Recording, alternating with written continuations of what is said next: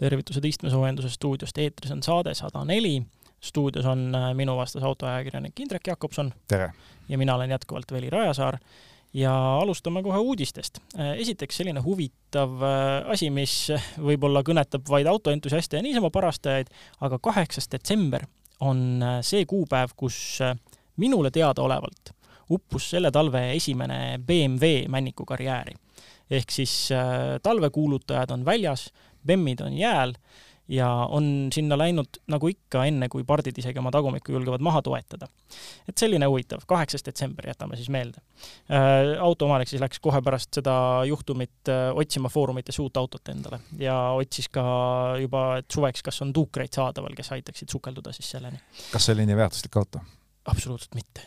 mingisugune vana roim oli äh,. järgmiseks ka sellisest asjast nagu vankelmootor oleme siin eelnevates saadetes maininud, et Mazda on õrritanud, et vankelmootor võib tagasi tulla. Äh, kui me nüüd meelde tuletame, siis vankelmootor viimases seeriatootmise autos mõrvati aastal kaks tuhat kaksteist või noh, õigemini seda tegid siis heitmenormid ja nõuded ja sellest ajast saadik pole ühtegi vankelmootoriga autot enam müüdud. aga nüüd Mazda toob selle sellisel huvitaval kujul tagasi, et ähm, ta ei ole siis füüsiliselt ratastega kuidagi ühenduses, vaid ta saab olema elektrilise auto äh, Äh, ütleme siis sõiduulatuse pikendaja ehk teisisõnu bensiinigeneraator. ehk sellisest ideest me oleme paar saadet tagasi juba rääkinud ka, et äh, Londonis äh, taksode puhul hakatakse sama lahendust kasutama, keegi küll veel ei tea täpselt, aga kas saab, saavad need olema Mazdad, no paistab. või Mazda on praegu suhteliselt tagasihoidlik veel selle osas? jaa, no selle, selle vankelmootori kohta ei ole mingeid detaile teada, ei ole teada selle äh, töömahtu, ei ole teada kütusepaagi suurust Äh, üks asi, mis on tore vähemasti, on see, et äh, Mazda on jäänud ausaks kogu asja juures ja öelnud, et siis selle sõiduki näol on tegu äh, pistikhübriidiga. teised mitmed, kes sarnast lahendust kasutavad, näiteks Nissan oma e-Power seeriaga, ütlevad, et need on ikkagi täiselektrilised noh, akuelektriautod, millel on lihtsalt siis hädaabigeneraator peal. Mazda ütleb, noh, nii nagu on, pistikhübriid aga mis kevesse see paigutatakse, et ega selle jaoks ometi omaette platvormi ehitadagi? MX kolmkümmend. okei okay üldise hinnatõusu taustal võime siis praegu rääkida sellest, et akude hinnad tõusevad, me oleme pikka aega juba saadetes öelnud, et sada on maagiline number, sada tähendab siis sada dollarit ühe kilovatt-tunni kohta. ja nii nagu Moore'i seadus äh, vähendab kogu aeg IT-valdkonnas tekkivaid kulusid riistvarale, nii oodati kõrgepinge akude puhul samamoodi aga see mastaabiefekt on siiamaani toiminud, aga praeguseks hetkeks on see ära jäämas. probleem on lihtne, et kuna kõrgepingeakud, mida kasutavad siis äh, praegusel ajal enamik elektriautosid, sisaldavad tavaliselt liitiumkarbonaati või liitiumhüdroksiidi, igal juhul ei saa mööda liitiumist. ja kui liitiumkarbonaadi tonn aasta tagasi veel maksis sellise neljakohalise numbri, hakkas see siis üheksaga või kaheksaga siis praegu tuleb selle eest välja käia üle kahekümne kaheksa tuhande dollari. see on pisut üle kolmekordne hinnatõus. ja see tähendab seda, et äh, me oleme jõudnud sellesse etappi, kus lihtsalt üks tehnoloogia on omadega jõudnud ütleme siis lihtsalt platoole, ta ei lähe enam odavamaks, ta ei lähe väga hullusti kallimaks. et kui arvestada sellised hinnatõusud, lugeda minevikuks, siis kui nad praegusele tasemele jäävad, näiteks BMW prognoosib, et akud maksavad järgmisel aastal enam mitte sama palju, ehk siis kuskil nende jaoks sada viis USA dollarit üks kilovatt-tund, siis järgmisel aastal hakkab see olema juba kuskil saja viieteist kandis. nii et hinnatõus jõuab äh, elektriautodesse samamoodi, jõuab samamoodi akudesse ja see ilmselt enne ei muutu, kui uus tehnoloogia ehk siis tahkisakud kunagi seeriatootmisesse jõuavad liitium ei ole muidugi ainukene metall, mille puhul me räägime suurest hinnatõusust. nikkel on samamoodi tõusnud aastaga, tõsi küll, pisut vähem kallinenud aga, aga kolmkümmend protsenti hinnatõusu on ikkagi üsna määrav, et see ka lõpptarbijale jõuaks. Hiinas eh, on sellega kõige suurem probleem, sest Hiina on üht otsapidi nikli suurtootja, teist otsapidi väga suur niklitarbija ja nikli tootmine Hiinas kannatab sarnaselt Euroopaga puhtalt elektri tootmisvõimsuste nappuse käes, et äh, kõrged elektrihinnad, mis meil on, vähene tootmine, see ei ole tegelikult Eesti-spetsiifiline ega Euroopa-spetsiifiline probleem, et seda leiab igal pool, aga nii nagu elektriturg on globaalne, on autoturg samamoodi globaalne. No Hiinas on see elektrikasutus üldsegi rangelt reglementeeritud nüüd kvootide põhjal, suur, erinevad äh, tehased ja asjad saavad elektrit äh, kasutada piiratult ja kusjuures osalt seetõttu on Hiinas käes kriis ka uureaga, mis teisisõnu on siis kusiaine. et säärane tore aine, mis on tähtis koostisaine väetistes ja ka AdBlues ehk siis diiselkütuse noh, diiselmootorite väljalaskegaaside lisandis siis, mis äh, SCR ehk siis äh, valikulise katalüütilise reduktsiooni teel peaks äh, lõhustama kahjulikud NOx ühendid lämmastikuks ja auruks. et sellega on lihtsalt säärane oht, et kui see kusiaine otsa lõpeb, Hiina on selle suurim eks-, eksportija, ja noh, see, see mõjutused on tunda juba näiteks Lõuna-Koreas ja Austraalias, kuhu jällegi Hiina ekspordib, see on selline huvitav ring, et Lõuna-Koreas juba ähvardavad diiselveokid seisma jääda, sellepärast et AdBlue hakkab otsa saama, nad ei võta, logistikafirmad ei võta enam pikki otsi nii-öelda vastu, äh, on saanud kokkuleppele Austraaliaga, et sealt endale importida siis äh, uurjat. Ja Austraalias samas kaheksakümmend protsenti uurjast tuleb omakorda Hiinast. et selline huvitav lumepall, et noh, kui see nüüd veerema läheb, siis see võib mõjutada ka Euroopa veokite transporti. et äh, säärased puudujäägid siis, siis sealkandis näis, kas see meile ka siia kuidagi levib veokitransport ei ole muidugi ainuke, keda see puudutab, sest tänapäeva moodsad sõiduautod on varustatud sellega täpselt samamoodi ja diiselmootoriga sõiduauto puhul on asi lihtne, kui see tuli läheb põlema ja ütleb, et nüüd tangi, siis ta lubab sul küll sõita, kui ta on otsas, aga kui ta seisma jääb, siis enam käima ei lähe äh, sellega on muidugi see keeruline lugu veel, et, äh, et sõiduautodel noh, paraku ikkagi tehakse seda päris palju, et äh, diiselautodel lihtsalt kirjutatakse järjest seda rohekola välja. veokatega on see natuke keerulisem, eriti kui sa tahad rahvusvahelist äri teha ja noh, logistikafirmal eriti, on ju, et et äh, võib-olla tavakasutaja jaoks see lahendus on, et noh, kui otsa saab, siis okei okay,, ma lähen siis sinna kusagile nurgataguse seadistaja juurde, kes selle mul välja kirjutab ja džipib, nagu äh, siin äh, öeldakse seadistamise kohta tihti, kirjutatakse välja, elu läheb edasi. iseasi, kas sellel on mõtet, sellepärast et kui praegu minna tanklasse, siis sellesama äh, AdBlue hind on ikka võrreldes äh, kütusega, mida sa iga kord kümnete liitrite viisi paaki lased, suhteliselt madal, et sa tangid teda üks kord võib-olla kuskil kümne tuhande tagant umbes, kes rohkem, kus vähem. igatahes väga harva ja tema liiter maksab noh, bensiiniliitrist igatahes vähem, nii et selles mõttes kulu tegelikult äh, auto eluea jooksul ei ületa oluliselt tema väljaprogemise kulu. absoluutselt, seda küll, aga noh kui on Defka, siis on Defka, on ju. jah, kui ei ole, siis sõita on ikka vaja. jah, aga uudiseid on Renault rindelt, on avalikustatud Kadjari aseaine nimi ja nime siis ähm, päritolu ja inspiratsioon. jah, et äh, Kadjar saab nüüd lõppude lõpuks omale asendaja äh, näovärskenduse sai juba kaks aastat tagasi ja nimeks saab siis olema Austral. et Äh, tähendagu see nimi mida iganes, äh, pehmust, soojust, äh, lõunapoolkera, Renault on sellest teinud nii pika jutu kui videoklipi, aga kui nüüd turundusplära kõrvale jätta, et mida see siis tegelikult tähendab? et see tähendab seda, et tulemas on järjekordne linnamaastur, klassikaline C-segmendi esindaja, neli ja pool ehk siis täpsemini neli koma viiskümmend üks meetrit pikk. võrdluseks võib-olla, et äh, Volkswagen Tiguan on kaks sentimeetrit lühem ja Qashqai on lausa üheksa sentimeetrit lühem. et ta on ehitatud samale platvormile nagu Qashqai, aga ilmselt on ta teadlikult tehtud pisut suuremaks, et mitte täpselt oma sõsara turuosa süüa noh, mida need ülendid meile siis annavad, tõenäoliselt äh, natuke rohkem pagasiruumi, võib-olla võimaldavad seal istmeid äh, veidikene tahapoole nihutada, ma ei, see, see kõneleb nagu lihtsalt sellest, et ta on äh, pikendatud ülenditega ja midagi suurt kasu sellest ei sünni.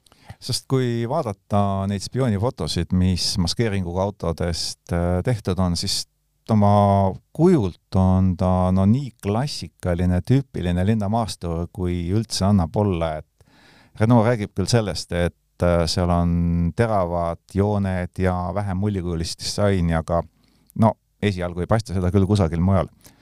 aga mis on põnev, mm, kõigepealt tema sisemus on, selle kohta on ametlikud fotod olemas, seal on siis kas üks väga suur ekraan või siis mitu suurt ekraani, seda on raske öelda.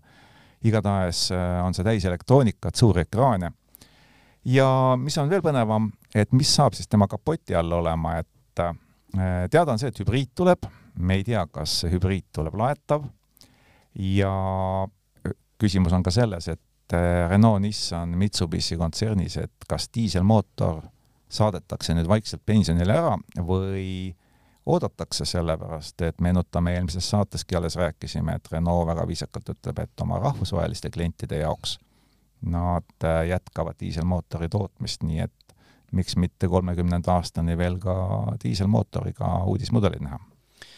kolmekümnest rääkides, äh, Toyotal oli veel üks äh, suur konverents ja seal öeldi, et aastaks kaks tuhat kolmkümmend siis on neil plaan kolmekümmet uudismudelit tutvustada ja mis on põnevat, sealhulgas on see, et kuigi internet on viimasel ajal olnud, no ütleme, viimase kuu aja jooksul oksendamiseni täis äh, erine-, erinevaid spekulatsioone MR2 võimaliku järglase osas, alates igasugustest portaalidest kuni mingite blogijateni välja, kõik muudkui jagavad pilte mingitest renderdustest ja muust jurast. aga kas see või olla nagu väike soovmõtlemine? kindlasti seal äh, seda MR2 järeltulijat on oodatud väga palju eks Toyota ei ole ka nagu asja paremaks teinud selles osas, et nad on ikkagi nagu vihjanud küll ja öelnud, et et see aseaine või äh, neljas põlvkond või äh, noh, mis iganes, kuidas teda nimetada, siis võib, võib tulla. ja no ütleme, et noh, need renderdused ja asjad kõrvale jättes ja mingid spekulatsioonid, tundub, et ähm, suuremat kinnitust sellele, et midagi analoogset on ikkagi kunagi Toyota poolt tulemas me ei saa, sest et ähm, Akio Toyota selle konverentsi käigus käis ringi, autode valik oli väljas ja seal oli ka üks ilus oranž äh, vägagi äh, rotsterliku välimusega, selline kupee kaheukseline äh, keskmootoriga auto olemisega. selle kohta pikka juttu ei tehtud peale selle, et see saab olema täiselektriline, aga et entusiastid ei pettu Äh, see noh, Akio Toyoda on teada autoentusiast ja huviline ja noh, teab väga hästi, millest entusiastid ikkagi äh, veel hoolivad. aga lubas jah, et ei pea me pettuma, isegi kui ta on lõpuks ka täiselektriline. Kindlasti mitte, sellepärast et täiselektriline auto võib olla palju mugavama kaalujaotusega, ükspuha milleks, sest sa saad seda teistmoodi sättida, akut, mootorid, aga rääkida nüüd keskmootorist ma hästi ei kujuta ette, et selle autol on nüüd võetud üks suur elektrimootor ja pandud äh, siis kusjuures see on äh, sarnane lähenemine nagu äh, Porsche Caymanil, kui too tehakse täiselektriliseks et juttu oli ka sellest, et juhi selja taga hakkab paiknema akupakk. seda ei panda mitte põranda alla, nagu elektriautodel praegu kombeks, vaid see peaks kõigi eelduste kohaselt tulema juhi selja taha ja asendama siis äh, seda, kus keskmootoriga autol harjumuspäraselt on mootor ja siis enamus sellest massist. akupaki puhul on see täiesti mõistetav, sest see on raske ja eks ole ju varemgi nähtud neid elektriautosid, mille puhul ei ole nagu tänapäevase platvormi puhul üks selline äh, plaat lihtsalt põhja all, vaid neid mm -hmm. akusid on ju pandud tagaistme taha, et see iseenesest ei ole uus lahendus, et äh, täiesti võimalik, et sellist äh, midagi sarnast saab olema. absoluutselt. ja veel, mis on põnev, on see, et äh, nüüd jällegi äh, ei ole ma kuidagiviisi nendest spekulantidest parem, aga siin jällegi kümmekond või isegi rohkem saadet tagasi oli juttu sellest, et Lotus on müügile pannud oma Elise ja Exigi ja Evora kõik äh, tootmiseks vajalikud, noh, pluss siis tootmisõiguse müü-, müüki lükanud. et äh, ja siis sai spekuleeritud, et noh, et kui on üks autotootja, kes oleks kõige õigem seda paketti üle võtma, siis see on Toyota. Äh, teiseks me oleme rääkinud Toyota vesinikupõlemismootoritest et kuidas need võiksid olla entusiastiautode tulevik ja ikkagi mu, mu, mu peast ei lahku see mõte, et äh, mis siis saaks, mis siis saaks, kui Toyota võtaks ikkagi selle lootuse paketi, võtaks oma vesinikpõlemismootori ja teekski ühe samade põhimõtetega kerge entusiasti auto keskmootoriga tagaveolise, aga just rõhk sellele, et see on kerge. aga ega sa ei tea, miks Lotus müügis on? mis see põhjus on äh,? Nad äh, ei tee neid autosid lihtsalt rohkem, kõik need kolm E-d lõpetati äh, tootmine lõpetati ära, et minna üle täiselektrilisele tulevikule, sealhulgas paraku ka täis, äh, kuulub sinna ka täiselektriline linnamaastur. no isegi Lootus, ka sina puutus et et, et aga selles osas ikkagi jah, ma mõtlen, et äkki noh, ei saa olla, et Akio Toyotast on mööda läinud see uudis, et Lootuse kõik tootmisõigused on müügis. iseasi, kas sellel on ka siis nagu nii suure tootja mõttes perspektiivi teha mingile käputäiele entusiastidele autosid, mis, mis tõesti noh, kindlasti oleksid ülimad, aga iseasi jah, palju neid nagu lõppkokkuvõttes ostetakse, et kui kõik tahavad võimsaid elektrikaid, mis kiirendavad sirgjooneliselt ja tõmbavad sul südame tagumiku kaudu välja, et noh, siis see paljudel ei olegi nagu rohkemat vaja, on ju. et äh, selles suhtes võib tõesti olla natukene skeptiline, et äh, võimsad, kallid, sportlikud autod tähendavad seda, et need peavad olema bränditud kallid, sest vastasel juhul keegi ei käi selle eest lihtsalt palju raha välja. aga räägime nendest asjadest, mis tulevad kindla peale, et äh, ja kus on, sinna tuleb juurde, eelmises saates juba rääkisime Toyota BZ4X-ist, miks ta nii keeruline nimi on, seda ma välja ei mõelnud. BZ, äh, Beyond Zero, see on nende see filosoofia, et nullheitmetega tulevik. ja 4X-i? noh, 4X ma eeldan, et äh, nelikvedu Nonii, järelikult seda ei tohi esiveolisena anda, muidu tuleb ta ilmselt kaks X-ina. aga nali naljaks, et äh, selge on see, et sinna tuleb nüüd kohe järele ka väiksem täiselektriline crossover, mis jääb siis suuruselt kuskil Toyota Aygo X-i Yaris Crossi kanti, aga millal ta täpselt tuleb, ei tea, mida aga Toyota on ette ära lubanud, on lubanud ulmelist elektrikulu, kaksteist ja pool kilovatt-tundi saja kilomeetri kohta. No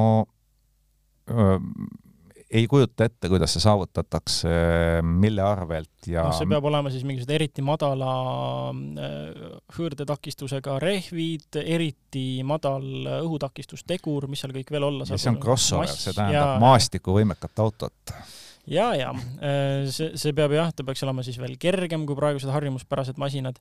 selles mõttes jah, väga, väga madal arv on selleks kuluks öeldud Äh, samas osana sellest äh, tänasest konverentsist öeldi ka välja, et Toyota kavatseb äh, arendada, nagu ka paljud teised, tahab saada osa sellest tahkisaku pirukast. et see on jälle tõenäoliselt siis nende suur lootus seda massi allapoole tuua, et tahkisakut teatagi on ju suurema energiatihedusega, seega sa saad sama, sama võimeka akupaki väiksema massiga jah, et kuna tahkisaku on püha graal ja kõik jooksevad selle peale, siis arvestades Toyota tehnoloogilist võimekust, ei ole üldse võimatu, et ta selles võidujooksus mõne auhinnalise koha võtab.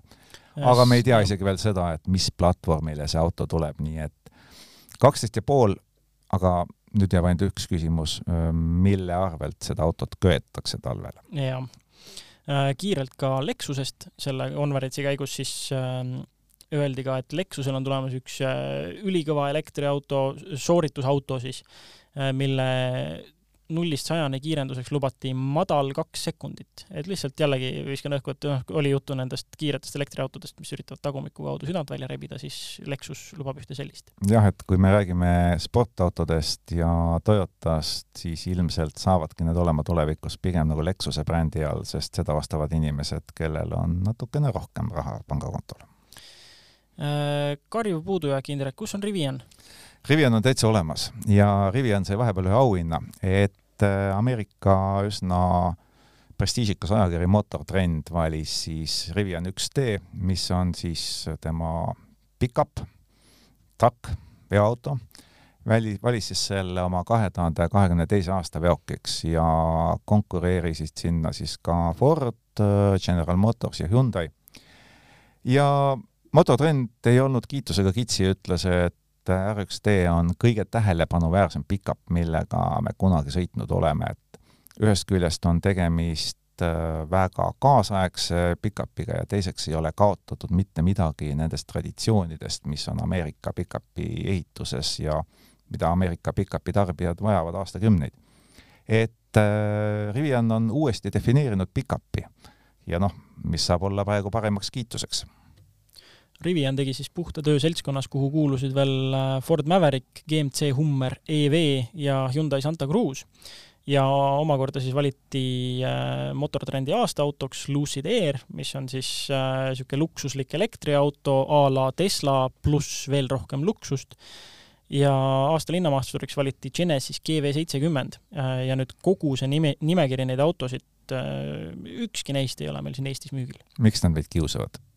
Aga see on ju klassika, ameeriklased muudkui äh, undavad, et nemad on ägedatest asjadest ilma jäänud, eriti on seda täheldada Jaapani, Jaapani ägedate autode rindel, kus muudkui mingid erimudelid, asjad ei, ei jõua üldse neile, et ju nad siis lihtsalt täitsa nagu, ma ei tea, kas täiesti teadlikult, aga tõenäoliselt seda nimekirja vaadates nad äh, võivad seda tulemust täitsa nautida ja parastada pisut. Aga nüüd nädala talveuudisest, noh, ma arvan, et see uppunud BEM päris nädala talveuudiseks ei kvalifitseeru, aga tehti elektriautode talvetesti. Ja selle eesmärk oli siis tuvastada, millised elektriautod saavad talvel, ähm, milliste elektriautode läbisõit või sõiduulatus siis kukub talvel kõige vähem jah, et selle talvetesti korraldas Hyundai ja arusaadavalt, kui Hyundai selle korraldas, siis täiesti juhuslikult ka võitis selle Hyundai. no Hyundai'l pidi olema suur enesekindlus selles osas, et, et nad julgesid selle testi korraldada ja siis pärast tulemust ka avalikustada. aga miks mitte, sellepärast et selle testi võitis Hyundai Kona Electric, kelle puhul siis äh, soojendus, kliima, kõik talveks vajalikud seadmed sees ja tema kaotab oma läbisõidust ainult äh, kümme protsenti ja noh, või võrdseks jäi samal platvormil Kiia Niro EV. just, mis on siis sama kontserni teine auto, sama auto praktiliselt. kusjuures kolmas auhinnaline koht läks Teslale, Model S, kaheksateist protsenti ainult. ja kui tabeli taha otsa vaadata, siis noh, kõige taga on äh, masin, mida me, mina siin meil kusagil küll tuvastanud ei ole, Renault Samsung SM3 ZE, aga äh, mida oleme tuvastanud äh,, tabeli eelviimane koht BMW i3 selle sõiduulatus kukkus märkimisväärselt nelikümmend kaks protsenti talvesõidu ja talveolude juures ja siis äh, huugava soojendusega. see on ikkagi metsik tegelikult, kui sa veel võtad arvesse selle, et äh, liitiumioon-akude puhul soovitatakse neid mitte täiesti tühjaks lasta ja ka mitte täiesti pilgeni täis laadida, et hoida neid mingi sellises magusas vahemikus, mis on siis mingisugune niisugune üheksakümmend ja kümme protsenti, et siis, siis sul ongi tegelikult seda kasutatavat sõiduulatust talvel laias laastus pool, kui mitte vähem no tegelikult seda testi me oleme natukene praktikas ise proovinud, et äh, üsna täpselt kolm aastat tagasi, kui Hyundai Kona Electric välja tuli, siis oli õnn sellega sõita ka Eestis täiesti talveoludes ja peab ütlema, et see oli esimest korda, kui tekkis tunne, et Tallinnast Tartusse sõites sa võid sõita vabalt läbi lörtsi, sul on küte sees ja sa isegi ei mõtle selle peale, et kas sul akut jätkub või mitte et äh, Kona oli just selles mõttes teed rajav ja on siiamaani nagu näha väga hästi õnnestunud, vähemalt oma elektrilises versioonis. aga nüüd see ei ole viimane kord, kui me Hyundai'd saates mainime. Äh, Motortrend ei olnud ainuke, kes valis oma aasta autot, vaid äh, aasta autot sai valitud ka Eesti autoajakirjanikest koosnev žürii ja selleks osutus Hyundai Ioniq viis. et ütleme, see ei olnud nagu justkui väga suur üllatus või kas sina üllatusid? no minu jaoks oli tegemist äh, läbi aegade kõige igavama Eesti aasta auto valimisega üleüldse, et ma noh, kui ma sellest hetkest kuulsin, et Hyundai Ioniq viis on selles konkurentsis, siis oli ka selge, et võitjas ei ole küsimust, sest äh, temas on äh, olemas kõik need komponendid, mis annavad talle edu sellistes kohtades. ta näeb äge välja, ta näeb välja nagu Golf kaks, aga on hästi suur. ta on seest valge nahk, kõik stiilne, üliäge jälle. ta on piisavalt mahukas, et äh, igas kaalus ja mõõdus autoajakirjanik ennast seal hästi tunneb tal on piisavalt suur aku, et see ei saa proovisõidu jooksul tühjaks. ja ta on piisavalt hea heliisolatsiooniga, et äh, mitte tekitada ebameeldivat tunnetust ja ongi kõik, see on edu valem, see on võidu valem ja rohkem ei olegi tegelikult tarvis sest.... noh, on see kaheksasaja voldine arhitektuur, mis eelmisel aastal oli Porsche Taycanil, nüüd see on toodud ka juba siis nii-öelda keskklassi elektriautole, on ju, tal on kiirem laadimine. tal ta... on võimalus laadida teisi elektriseadmeid. jah, anda voolu välja neile, on ju Äh, tal on juba see, ma ei tea, kas nüüdseks juba kümmekond korda mainitud võimalus lülitada juhiabilised välja, ta on ju kas nelik- või tagaveoline, et äh, lubab ka lõbutseda libedal, kui tahad. et äh, temas on jah, täpselt kõik see olemas, mis, mis võiks olla suunanäitaja tuleviku elektriautodel, just nendel keskklassi elektriautodel. et selles osas ma loen kähku ette ka teised finalistid ja nende kohad siis. et finaali sai kuus autot ja kuuendale kohale platseerus siis ajakirjanike hääletuses äh, Mercedes-Benzi C-klass. noh, minu jaoks selles ei olegi üllatust, ka mina panin selle C-klassi sellest äh, valimist viimaseks, sest et ta on lihtsalt hea auto, mille hind peegeldab seda, aga ta ei toonud mitte mingit raputavat uuendust. ta ei ja tee mi midagi nagu nii, nii põnevalt. miks ta üldse sinna tabelisse ma ei saa aru ja ma ei saa aru, miks ta sai, kuidas sai C-klassi Leedu aasta autoks näiteks. Tundub, et leedukad tahtsid siis võib-olla tõesti mingisuguse tugeva statement'i teha, et no ikkagi sisepõlemismootor veel ja ei, meie seda elektrit ei vali ja noh, ma, ma ei kujuta ette, mis, aga tõesti, C-klassi puhul jällegi, mitte et see auto ei oleks mulle meeldinud, aga praegusel ajal ta ei teinud mitte midagi märkimisväärselt uuenduslikku ja see on põhjus, miks ta sinna kuuendale kohale jäi. ja ta oli, ütleme, kui esimene, esimene ja viimane koht, mõlemad olid siis punktide mõttes ka nagu natukene eraldusid teistest. Et äh, ma ei olnud ainuke, kes selle C-klassi ilmselgelt sinna lõppu pani. viienda koha sai Dacia Sandero äh, see läks kokku ka minu hääletusega ja noh, jällegi Dacia sai äh, ainuüksi C-klassist seetõttu kõrgemale kohale, et ta on väga aus auto ja ta on rahvaauto. ta on, ta ta ei tee mingisuguseid tühje sõnu, ei kasuta mingisuguseid suminaväljendeid oma turunduses, väga aus asi.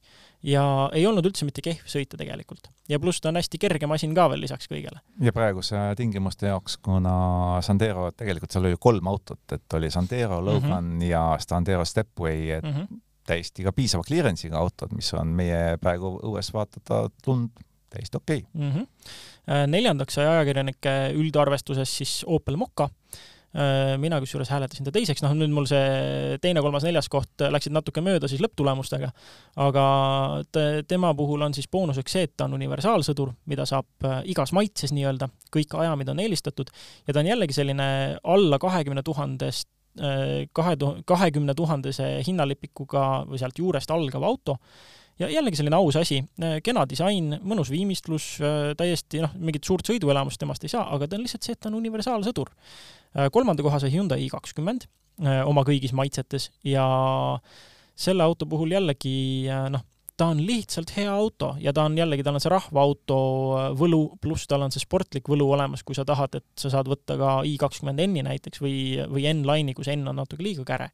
no ilma N-ita ilmselt ta nii kõrget kohta ei oleks saanud, ma arvan, et ja, seal oleks tõsi. teised konkurendid Wolfsburgist ja Tšehhimaalt liiga palju kanda tõmmanud teise koha sai kokkuvõttes Škoda Enyaq iV, ka elektriauto, ja tema puhul kõige suurem võlu oli siis selles, et äh, ta ei ole mingisuguse üle võlli elektriauto disainiga, oo, vaadake siia, ma sõidan elektriga ja teen trollihääli, vaid ta on äh, täiesti tavalise auto olemisega. Ja kui sa sinna sisse istud, kuni mootori käivitamiseni, isegi ütleme, kuni esimese sõiduni sa võiksid vabalt arvata, et seal kusagil on ka sisepõlemismootor, sellepärast et noh, pistikhübriidid ju teadagi saavad ka elektri jõul sõita, et ta võib päris kauaks nagu segadusse ajada, kui sa ei tea täpselt, millega sa sõidad.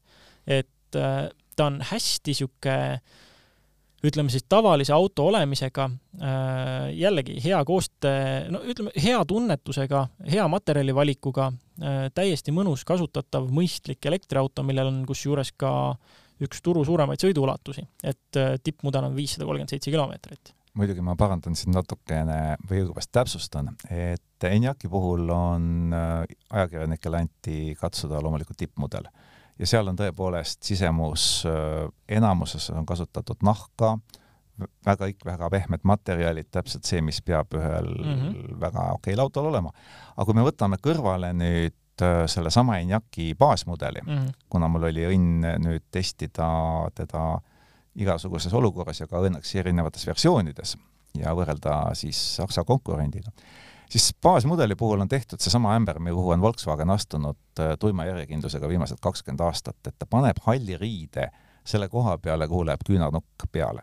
ja no see ei ole okei okay,, sest selle puhastamine on lihtsalt tüütu ja noh, esimene koht siis äh, langes kokku ka minu hääletatuga, et Ioniq viis ja juba eel palju,, palju-palju eelloetletud põhjustel, et see ei olnud, äh, see ei olnud üllatus ja ka punktid näitasid seda, et ta läks teisest kohast peaaegu kahekümne punktiga ette. ja noh, ta punktiskaalad olid siis, et oli mingisugune kuuskümmend kolm midagi punkti ja teine koht oli siis nelikümmend midagi algus. et nagu täiesti märgatavalt ei mingit üllatust samas, kui me vaatame Euroopa müüginumbreid praegu, siis äh, Ioniq viis jääb Enyaqile väga kõvasti alla, et äh, praktil-, äh, Enyaq lööb tegelikult siiamaani Ioniqut oma praktilisuse poole pealt ja miks mulle Enyaq eriti meeldib, on see, et vaadates aknast välja, enamus aja on meil selline ilm, et ei tahagi nagu, et niisugune ilm oleks. ja Enyaq on praegusel hetkel üks väga väheseid, kui mitte ainus auto, millel on hirmsa raha eest võimalik tellida tulepesu juurde. et seda ei paku isegi Volkswagen ID, ID4-le, rääkimata ID3-st ja isegi Passatil on hakatud seda lisavarustust maha võtma, et see arvatakse, et Äh, LED-tulede valgusvihk on piisavalt tugev äh, ka ilma tulepesuta. jah, lõunapoolsetes maades võib see nii olla, aga meie kliimas, kui sul rekka on ees sõitnud kilomeeter maad, siis pärast seda pead kinni pidama ja lapiga üle tulede käima. jaa, oleme siin tuvastanud neid masinaid küll, mis tundub, et on disainitud kusagil väga lõuna pool ja ei ole siia tingimustesse isegi mitte toodud.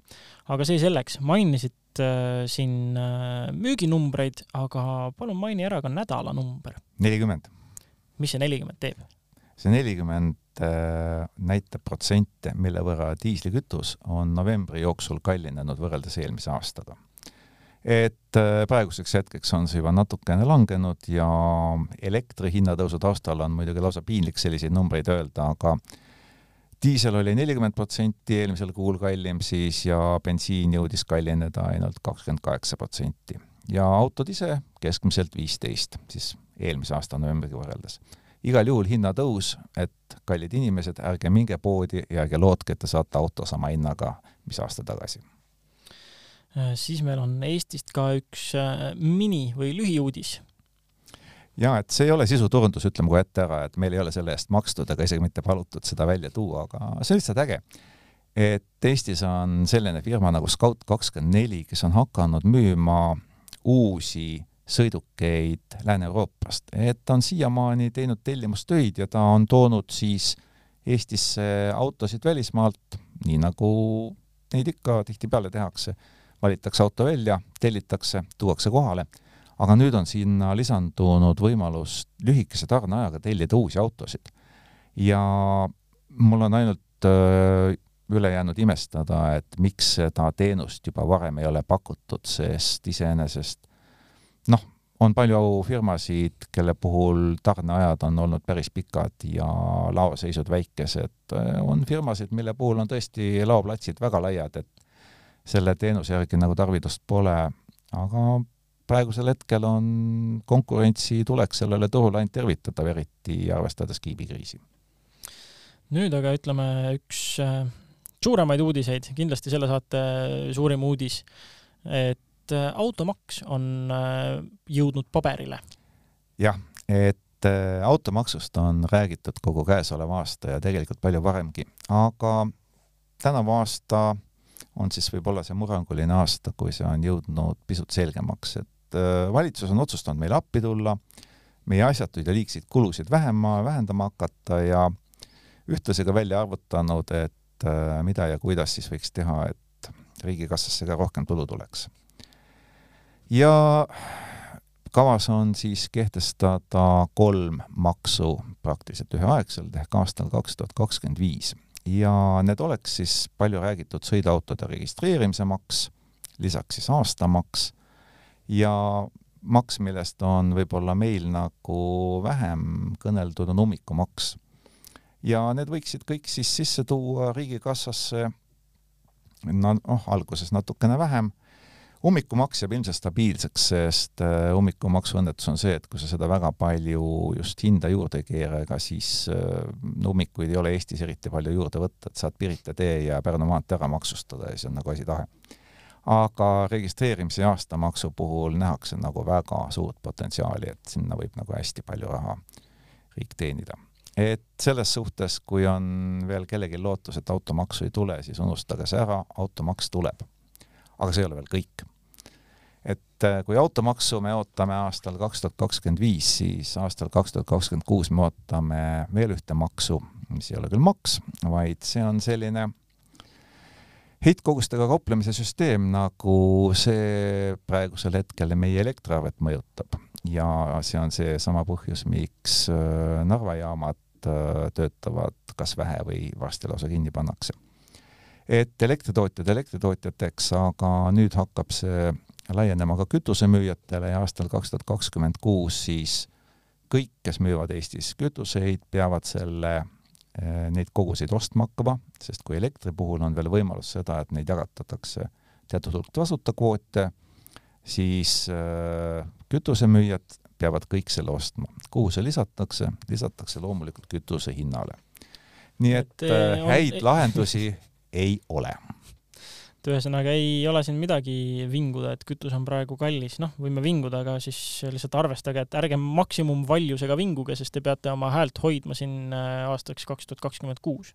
jaa, et äh, kui arvestada seda, et et registreerimismaksu eest tahaks siis riik saada noh, vähemalt plaanitult kaks tuhat kakskümmend viis kuni kaks tuhat kolmkümmend seitsekümmend seitse miljonit eurot, nii väga ümmarguselt, ja aastamaksu eest veel sada viiskümmend neli miljonit eurot, siis heitmekoguste osas me veel prognoose täpseid ei ole, sest nagu te näete, need hinnad kõiguvad turul väga kõvasti ja see on juba täiesti prognoosimatu, kui paindlik või kui paindumatu see turg on, et kui palju inimesed siis tegelikult oma sõitmist vähendama hakkavad.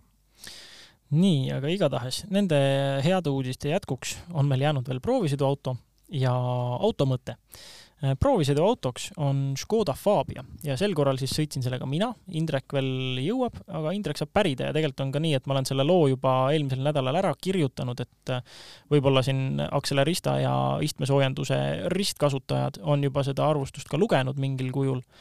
aga igatahes, mis sa teada tahaksid, Indrek?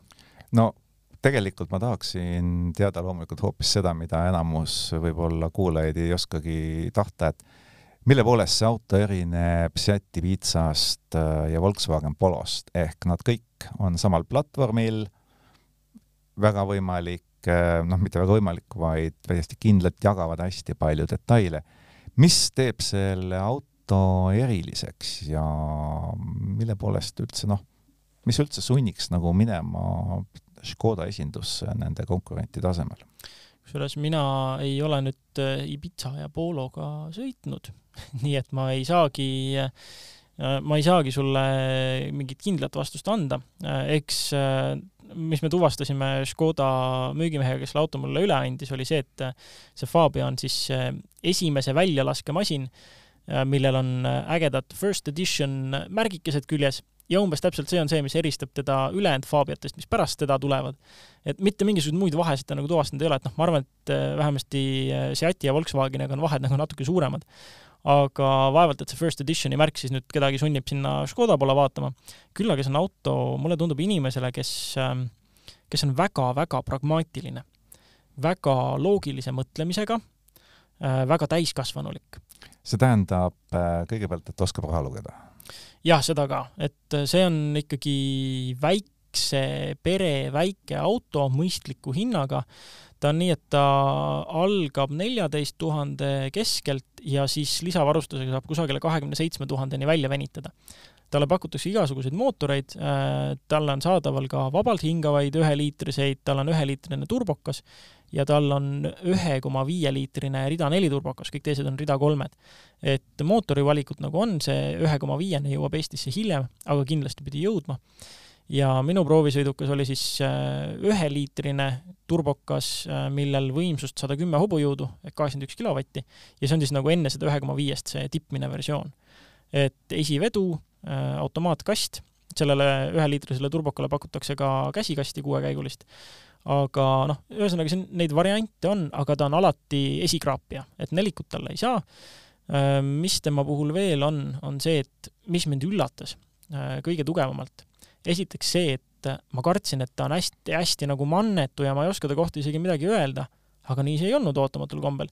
ja teiseks ta üllatab selle osas, et ta on väga kerge auto, muudkui räägime, et autod paisuvad, lähevad suuremaks, raskemaks, turvakola ja rohekola on nii palju, aga selle on kõige kergem versioon on kusagil tuhat ükssada kilogrammi. kui me vaatame siin kolmeokseline versioon või mitu kere versioon? ei, tal on, ta on luukpära viisust, jah et midagi muud ei tulegi, on jah, Fabiat olnud meil ju nii sedaanina kui universaalina, universaalina onju, aga praeguse seisuga tundub, et teda jääbki ainult viieukseline luukpära. et see on ainuke, ainuke kiretüüp, mis jääb.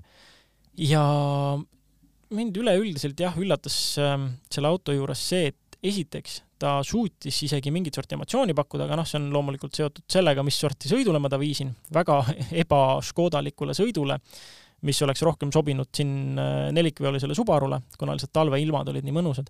aga sai jah proovida seda tema iseloomu ja, ja juhitavust ja, ja kuidas temaga on, kuidas temaga on sõita väga-väga libedates oludes. Ei olnud kusjuures üldse mitte paha, aga jällegi see, see avas selle auto iseloomu täielikult. ta on hästi konservatiivne, ka juhiabide osas, et tal võib küll seal olla see äh, füüsilise kangi kujul käsipidur aga, aga kohe, kui sa seda rebid põhimõtteliselt, siis ta otsustab, et nii, nii, nii, oot-oot-oot, natuke liiga palju libisemisnurka, tõmbame kõik tagasi, tõmbame ikka otsaks ära ja turvaliselt koju. ja see oligi selle auto moto kogu selle sõidu jooksul, et kohe, kui libisemisnurga natuke suuremaks lasid, siis poos kinni otseks, turvaliselt koju, moto rakendus ja noh, ja nii oligi ja sinna ei saanudki midagi teha. tal on mingeid erinevaid sõidurežiime küll muidugi äh, ja ma pean vajalikuks välja tuua tõenäoliselt kõige hullema kütusekulu, mis sa kunagi selle autoga suudaksid välja sõita ja see oli just täpselt pärast seda talvistes oludes sellist lustisõitu, et äh, sai ta ka kätte üheksa koma kuus sajale ja see oli kusagil niisugune äh, kahesaja viiekümne kilomeetrine ring. aga tavasõidul jällegi linnasõidud, kusjuures äh, pärast külmkäivitust lühikesed linnaotsad ja ma sain ta sinna seitse koma null kanti ja tegelikult saab kindlasti alla selle sõita, kui sa rakendad veel ökorežiimi. et äh, ma arvan, selle masinaga saab vabalt sinna kusagile viie-kuue, ütleme kõrge viie kanti sõita, kui väga proovida. meenutades seda, et Škoda Fabia on üks väheseid autosid tänapäeval, millest on olemas WRC variant ja ega müügimees ei öelnud, kas RS-i on tulemas? ei öelnud ja ei osanud mina seda ka küsida see oleks muidugi väga tore, aga kahjuks jään praegu vastuse võlgu. mille osas ma, ma veel võlgu ei jää, mis ma pean välja tooma, et selle auto puhul oligi see, et see vau-faktor, mis mulle temast jäi, ei tulnud mitte siis ei mingite sõiduomaduste ega millegi selle osas ega, ega emotsiooni, vaid äh, erinevate praktiliste lahenduste. et sul on äh, hästi mugavad panipaigad näiteks võimalik noh, esiteks auto on igasuguseid panipaiku täis, kaasa arvatud juhi ukse sees näiteks on panipaik, kuhu sa saad panna kas äh, vihmavarju või äh, lumelabida ja seal on äravool, nii et sa võid selle märjalt sinna ukse sisse panna, see tilgub seal tühjaks, ei ole midagi, mille pärast muretseda. Äh, auto on igasuguseid muid panipaiku täis, viis USB-C pesa, pagasiruumi on võimalik äh, osta näiteks selline asjade kinnitamise, hoiustamise pakett, kus on lisaks igasugustele võrkudele üks küljetasku, mille sa saad siis vastava suuruse peale pingutada, asjad sinna kinni tõmmata. tal on seal veel rippuv sihuke, ütleme, asjade võrkkiik et igasuguseid lahendusi, kõik, kõik see, mis äh, paketina või, või ütleme siis tervikuna võiks kokku võtta selle Škoda sloganiga Simply clever, et äh, kõik see auto on täis igasuguseid selliseid äh, elu lihtsusele kaasa aitavaid lahendusi. aga kas selle kõige peale midagi sellist ka oli, mis jäi häirima, silma kriipima? üllatav on see, et ma ootasin, et rohkem, aga laias laastus minu jaoks see ikkagi, ütleme, iseloomutus tegelikult et ta on, ta on hästi konservatiivne, ta on nagu ütleme ikkagi sõidu osas ta on kuivik, sinna pole midagi teha ja selle auto taotlus ei olegi olla kuidagiviisi lustlik või põnev. ta on täpselt nii lustlik, kui, kui lustlikult suudab tema juht sõita, et äh, ma arvan, et see kogemus, mis mina temaga sõites sain, ongi lähedal sellele kõige emotsioonirohkemale kogemusele, mis sa temaga saad, aga selleks tuli ka vaeva näha et ikkagi nendel jäistel teedel äh, kurve sirgeks sõita ja naksata pidamist sealt juurde, kus seda maksimaalselt leidus, et selline noh, ütleme, see oli tõesti, see oli väga selle auto elemendist väljas sõit ja tunda oli, et tegelikult autole see väga ei meeldinud, ta tahtis nagu kogu aeg turvaliselt koju saada ikkagi. ta oli nagu selline, ütleme, pere mingile suguvõsa kokkutulekule ära eksinud ontlik hall hiireke, kes äh, peab neid teisi purjus sugulasi kannatama, et ta, ta nagu, ähm, ta oli omast elemendist ikkagi tegelikult väljas ja see on osalt võib-olla see kõige häirivam juures, et ta on ikkagi, ta on iseloomult kuivik paraku. aga ta sai oma ülesandega hästi hakkama, et ta vedas kõik need purjus sugulased koju ja absoluutselt aga selles mõttes ei seda, ole see, jah. aga see on ju see, mida temalt oodatakse tegelikult. ma ütlen, ma ütlen ausalt, ma kartsin, et ma ei leia selle auto juures võib-olla piisavalt palju häid külgi või et et äh, ma lihtsalt ei oska selle kohta midagi öelda, aga ootamatul kombel oli nii, et ma viisin selle auto hommikul siis, kui proovisõit läbi sai, ma viisin auto tagasi, läksin koju arvuti ette ja see lugu lihtsalt tuli. et on palju autosid, mis on palju põnevamaid autosid, mis on mitmeks nädalaks, isegi kuuks lihtsalt äh, jäänudki vinduma. Ja see ei olnud üks neist autodest. Ja tegelikult see ütleb nii mõndagi selle kohta minu jaoks, et ta nagu laotas ennast mingis mõttes mu ette nagu laiali ja ma sain selle kõik kokku võtta, ära kirjutada ja jõuda järeldusele, et äh, ei olnud üldse mitte nii hull, kui ma ootasin. et ta sai kõigega hakkama, mida ta lubas teha, ta ei peta kusagilt otsast ootuseid, et ainuke asi, mida teha, ongi see, et jah, üksipulgi veel konkurendid samamoodi läbi sõita ja proovida, et kas keegi pakub veel midagi rohkemat väiksema raha eest või, või kas kellelgi teisel on mingeid teisi vigu või, või kuidas täpsemalt? no konkurentidel on selles mõttes keeruline, et samale platvormile tehtud Polo Eestis enam ei müüda ja samale platvormile tehtud Ibiza maksab täpselt sama palju, kas ta maksab nüüd, on ta seda raha rohkem väärt või mitte, seda peab tõesti proovisõiduga otsustama. aga lõpetame täna juba praeguseks hetkeks, tundub, et läbi aegade kõige pikema istmesoojenduse saate nädala automõttega. tänane nädala automõte on hästi triviaalne, mida me oleme rääkinud vist juba nõrkemiseni, et roolis ei loe. ütleme, ta ei ole triviaalne, ta on ära nämmutatud. jah, inimesed on tüdinenud, aga kuna sellegipoolest äh, roolis äh, tegeletakse mobiiltelefoniga oluliselt rohkem kui tohib, siis probleem on tegelikult ju globaalne. et äh, kui ajalukku minna, siis eelmisel sajandil Tšiilis oli väga karmid karistused mobiiliga rääkimise eest roolis. Tšiili on üks kõige, ütleme siis niimoodi, aktiivsema või arenema ettevõtluskultuuriga riike ja oli ometi inimesi, kes hoidsid telefonikujulist äh, eset karpi kõrva juures, sellepärast et nad tahtsid endast jätta hakkajat muljet. tänapäeval tundub see kuidagi nagu uskumatu, aga sellised näited on ajaloost olemas.